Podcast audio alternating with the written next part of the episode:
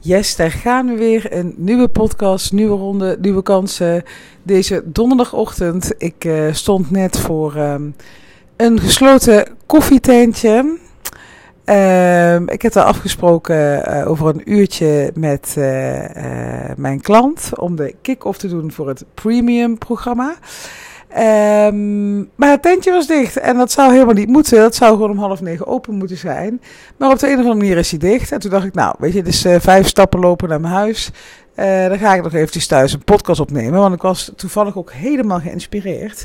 Ik had um, ik een podcast te luisteren van Veronique Prins. En het ging over uh, het excuus als je niet goed bent in sales. Dat je dan uh, dat je dat niet als excuus kan gebruiken uh, dat je daarom weinig klanten hebt. Want dan heb je gewoon wat te doen. Dan heb je te investeren in jezelf om beter te worden in sales. Nou, het ging dus over, uh, over sales en over investeren en hoe je dat dan zou moeten doen. En dat bracht mij op een gedachte dat ik het misschien, denk ik, nog nooit gedeeld heb. Over uh, hoe mijn investeringsproces is gegaan. En ik wil je in deze podcast ook op ideeën brengen. Dat als jij denkt, ik zou wel A, B, C, D, E, X willen. Uh, maar dat kan nu niet, want ik heb geen geld, of ik heb geen buffer, of ik heb niet zus, of ik heb niet zo. Wil ik je toch even op een aantal um, ideeën brengen. Uh, die je zou kunnen toepassen als je wil investeren in jezelf. Als je grotere dromen hebt dan dat je uh, nu misschien um, uh, denkt te kunnen realiseren. Want um, ik had het ook allemaal niet op de planken liggen. Hè. De, mijn allereerste investering niet toen ik de opleiding tot ondernemer ging doen. was een investering van 5000 euro. Dat voelde toen mega heftig.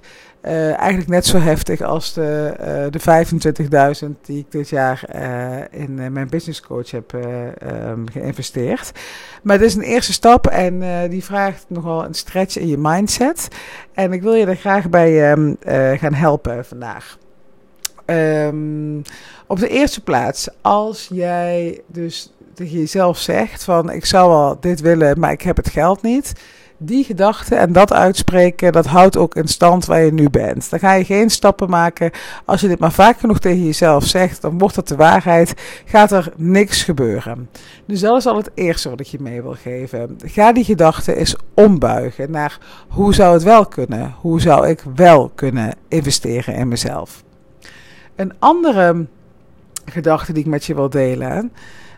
Um, is ook dat als jij zegt van uh, ik, ik kan nou eenmaal niet investeren in mezelf.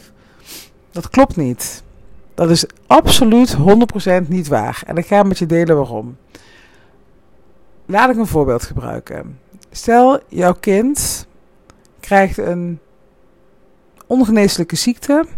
Tenzij je 10.000 euro kunt betalen voor een bepaalde operatie, dan kan ze weer verder leven. Hel je dat jij in no time die 10.000 euro bij elkaar hebt gesprokkeld, waar of niet? Als je dat niet kunt of wilt voor je eigen bedrijf, dan betekent dat dus dat het niet belangrijk genoeg voor je is. Dat de urgentie niet hoog genoeg is. Dat je oké bent met de situatie waarin je nu zit. En dat is helemaal prima. Als jij niet bereid bent of niet in staat bent om een bepaald bedrag bij elkaar te krijgen om in jezelf te investeren, dan is dat feedback dat je het dus niet belangrijk genoeg vindt. Als je het wel belangrijk genoeg vindt, dan zou je het bij elkaar weten te sprokkelen en dan zou je dat uh, voor elkaar krijgen. Um, of er is iets anders aan de hand, dat kan ook nog. Hmm dat je het wel heel belangrijk vindt en heel graag zou willen, maar dat je jezelf eenvoudigweg niet vertrouwt. Dat je bang bent dat je het niet gaat terugverdienen. En ik zeg altijd maar, angst is een slechte raadgever. Um, probeer te kijken naar wat er mogelijk is als je in jezelf investeert. Probeer te zien, kan ik dit bedrag terug gaan verdienen? En laat ik het, um, ik, ik hoor het vaak, hè, dat er veel uh, van dit soort um, uh, podcasts worden opgenomen. En dat het dan een beetje is van, oké, okay, en now it's up to you. Uh, ga zelf maar bedenken hoe je dan gaat investeren. En ik wil je daar toch even een eindje praktisch gezien ook mee op weg helpen. Want laat ik eens delen hoe ik het gedaan heb. Uh, de eerste keer, dus die 5000 euro, die heb ik bij elkaar moeten sprokkelen van... Uh, ik heb geld geleend bij Johan. Ik heb mijn vakantiegeld... Of ik had een bonus toen, een eindejaarsbonus. Die heb ik ingezet. Ik heb... Um, Volgens mij had ik nog een beetje spaargeld. Maar ik heb dus alles bij elkaar gesprokkeld om die 5000 euro uh, te kunnen betalen. Heb ik ook in één keer gedaan, had ook een termijn gemogen. Maar Johan zei van, het is veel krachtiger als je dat in uh, één keer doet. En ik voelde dat ook wel. Dus ik heb het echt hier en daar overal bij elkaar gesprokkeld en in mezelf geïnvesteerd. Vond ik mega moeilijk. Zo, dat, dit zou je dus kunnen doen. Hè? Van jezelf afvragen: wat ga ik doen met mijn bonus? Wat ga ik doen met mijn vakantiegeld? Ga ik het uitgeven? Aan, uh, aan kleding, nieuwe tassen, vakanties, dat. Of investeer ik in mijn toekomst? daar kan je dus uh, jezelf um, de vragen over stellen. ga je voor korte termijn geluk of voor lange termijn? tussendoor heb ik nog vaak geïnvesteerd in allerlei programma's. En um, dat, dat, daar ben ik wel in gestretched. Maar meestal had ik dan wel de omzet om dat te kunnen financieren. Dus dat was niet zo heel spannend. Die 25.000 die ik dit jaar geïnvesteerd heb, dat was een ander verhaal. Hm. Ik wilde het heel graag. Ik wist dat ik het nodig had. Um, maar ik had het gewoon niet. Ik had het niet op de plank liggen. En ik zag ook niet hoe ik het moest gaan doen. Maar ik voelde wel heel erg de urgentie dat dit nodig was. En um, in plaats van dus te denken: hé, hey, ik heb dit geld niet, ben ik gaan denken: hoe kan het wel? Nou, heb ik meerdere opties uh, overwogen. Ik, uh, ik wilde het bij mijn moeder lenen. Uh, ik ben enig kind, dus dan in dat geval, hè, het ergste wat er kon gebeuren, uh, dat als ik het uh, niet terug zou verdienen, ja, dan, dan zou, zou dat dan een, een aftrekpost op de erfenis zijn, laat ik het zo zeggen. Dus dat voelde nog wel ergens veilig, maar Johan zei, ik wil niet dat je dat doet. Um, want ik ben bang dat er dan ruzie ontstaat, frictie ontstaat, dat. Nou, dat is natuurlijk nog altijd mijn eigen keuze. Maar ik heb toen besloten van oké, dit, dit, dit, nou ja, dit, dit voelt niet 100% goed, ik laat het gaan. Ik had het van Johan kunnen lenen. ik heb het hem gevraagd en uh, hij, hij stond er niet zo achter, dat hele keuzeproces van wat ik wilde gaan doen. Hij zag de meerwaarde niet. En um, ja, ik, ik, nee. ik dacht ook van oké, als, als jij niet hier 100% achter staat, dan gaat het ook niet werken als ik bij jou geld ga lenen. En toen ben ik gaan kijken naar waar kan ik het dan wel vandaan halen. En ik eh, ben gaan googlen en ik heb meerdere investeerders gevonden, uh, zoals Bridge Fund, Crowdabout Now. Ben ik allemaal over na gaan denken. Daar heb ik allemaal contact mee gehad. Um, ja, het, het, voelde als de enige optie. En toen, doordat ik dus dat hele proces kwam, dat ik dit gedaan had, toen um, kwamen er ook nieuwe ideeën op mijn pad. En ik bedacht me dus opeens van, hé, hey, ik ken nog iemand, uh, eigenlijk best wel een, uh, een, een, een, vriend die niet eens zo heel ver van mij afstaat. waar ik um, in Maastricht, toen ik daar studeerde, daar hebben we het echt al voor twintig jaar geleden, hebben wij samen heel intensief een, bestuursjaar gedaan, één jaar samen. En daarna hebben we nog ieder ja, we hebben nog ieder jaar dat we bij elkaar komen. Ik spreek hem en uh, zijn vriendin nog regelmatig. En ja, we zijn eigenlijk gewoon buddies for life. Maar niet iemand die gelijk in me opkwam van. Um, daar zou ik het aan kunnen vragen. Maar ik, ik, ik besefte me dat hij. Um, hij werkt met start-ups. Hij, werkt, hij is verbonden aan de Universiteit Delft. En hij is gewend om te investeren. Ik dacht, ik moet hem eens vragen of hij misschien weet hoe ik dit nou handig kan aanpakken. Want dit is nieuw voor mij, investeren in mezelf op zo'n grote schaal. Um, ik heb het te leren. Ik ga gewoon hem vragen wat nou slim is om te doen. Nou, ik heb met hem gebeld. Mm. En dat vond ik echt een. Um, het gaf me gelijk een andere kijk op um, de hele investering. Want ik zei dus tegen hem van. Uh, ik ging hem uitleggen wat ik wilde gaan doen. En dat de investering uh, 25.000 euro was. En hij begreep het niet helemaal. En op een gegeven moment zei hij: Ja, Sandra, is dit echt het probleem? 25.000 euro? Ik zei: Ja, dit is het probleem. Dit is waar ik tegenaan loop. En dan zie je dus hoe iemand heel anders tegen geld aankijkt of tegen zo'n bedrag aankijkt. Want hij is gewend om start-ups vanaf 100.000 euro uh, te, te, te, uh, in te investeren.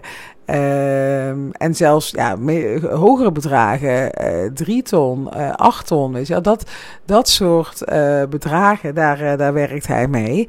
En dus die 25.000 euro, hij begreep het helemaal niet zo goed. En toen zei hij, nou weet je wat, Um, ik ga jou voor een derde sponsoren. Of tenminste, sponsoren is het verkeerde woord. Ik ga, uh, ik ga jou um, een derde van het bedrag lenen. Ik kan het je helemaal lenen, dat is geen enkel probleem.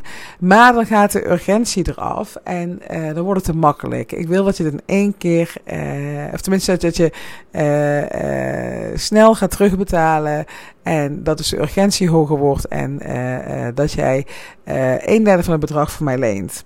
Nou, dat hebben we gedaan. We hebben keurig een contract opgesteld. Ik ga uh, vanaf augustus ga ik hem maandelijks terugbetalen. Um, en ja, zo is het gegaan. Uh, en dan kan je denken van, hé, hey, maar Sandra, je hebt dat hele bedrag nog niet bij elkaar. Klopt. Maar in de tussentijd ben ik het aan het terugverdienen. Doordat ik dus in mezelf geïnvesteerd heb. Doordat ik uh, nu uh, een heel ander productaanbod heb doordat ik mensen op een, ja, mijn klanten op een andere manier help. Um, hè, ik, ik, ik groei als persoon. Ik ben pas, ja, dus vandaag 1 juni, ik ben 1 maart begonnen. Dus ik ben pas drie maanden bezig en ja, de resultaten zijn echt enorm. Um, en dat had ik natuurlijk nooit of te nimmer bereikt als ik niet in mezelf geïnvesteerd had. En mijn coach zegt altijd: Ja, maar Sandra, je doet het echt zelf. En je hebt mij helemaal niet nodig. Je kan het zelf ook. Maar heel eerlijk, ik was er misschien wel gekomen, maar via een hele omslachtige, langslepende weg. En ik denk dat dat helemaal niet uh, is wat ik uh, zou willen. En ik heb altijd al die, die drive van, oh, ik ben al 42 en um, uh, ik heb nog maar 20 jaar, of is het 25 jaar te werken. Ik wil er nog zoveel uithalen. Uh, ik wil sneller en ik wil meer op korte termijn. En um, ja, dus ik ben echt mezelf enorm dankbaar dat ik deze stap gezet heb, ondanks dat ik het um, dood en dood eng vond. En um, dit was mijn manier om dus te investeren in mezelf. Um, maar er zijn meerdere manieren en dat weet jij ook. Maar ik ga je toch eventjes uh, hierbij helpen. ik denk dat je altijd inderdaad dat het fijn is als je uit warme hand mag lenen. Hè? Dus dat je gaat kijken naar familie, Um, uh, of er iemand is die, uh, die het in jou ziet en die graag in jou wil investeren. om en zo iemand te kijken, naar zo iemand te kijken en te vragen van hey, kunnen we een overeenkomst um, sluiten? Uh, nou, lukt dat niet, dan heb je dus inderdaad ook uh, allerlei uh, financierders. Ja, Bridgefund vond ik, na mijn research hierin, de fijnste. Zij doen uh, niet heel moeilijk over een lening, mits je natuurlijk een goed plan hebt. En um, 10.000 euro is echt voor hun um, niet heel spannend. Dus daar vond ik een fijne partij, maar er zijn nog veel meer partijen natuurlijk. Hm. Daarnaast kan je natuurlijk ook, als je het allemaal te spannend vindt, kan je natuurlijk ook ervoor kiezen om het zelf, het geld bij elkaar te ja, sprokkelen. Um, dat doet mij heel erg denken aan de tijd dat Johan en ik een huis gingen kopen. En ik hier en daar nog wat leningjes had vanuit mijn studententijd. Ik was echt een ramp met geld in die periode. Ik had nog een krediet bij de Weekamp. Ik had nog uh, uh, bij de Rabobank had ik nog een keer een krediet. Nou, het is allemaal. Um, ik moest van alles aflossen.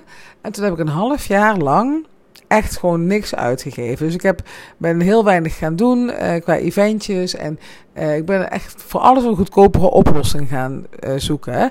Um, ik moest bijvoorbeeld, als ik naar de kapper ging, dat kostte mij toen, um, ja, dat, dat, dat was vrij duur, nog steeds trouwens. Ik ben altijd wel 90 euro kwijt of 100 euro kwijt voor knippen en verven. En ik ben toen een hele tijd, ik denk twee jaar lang, naar de kappersacademie gegaan, omdat dat daar goedkoper was. En het resultaat was eigenlijk nog beter dan bij de kapper waar ik voorheen ging.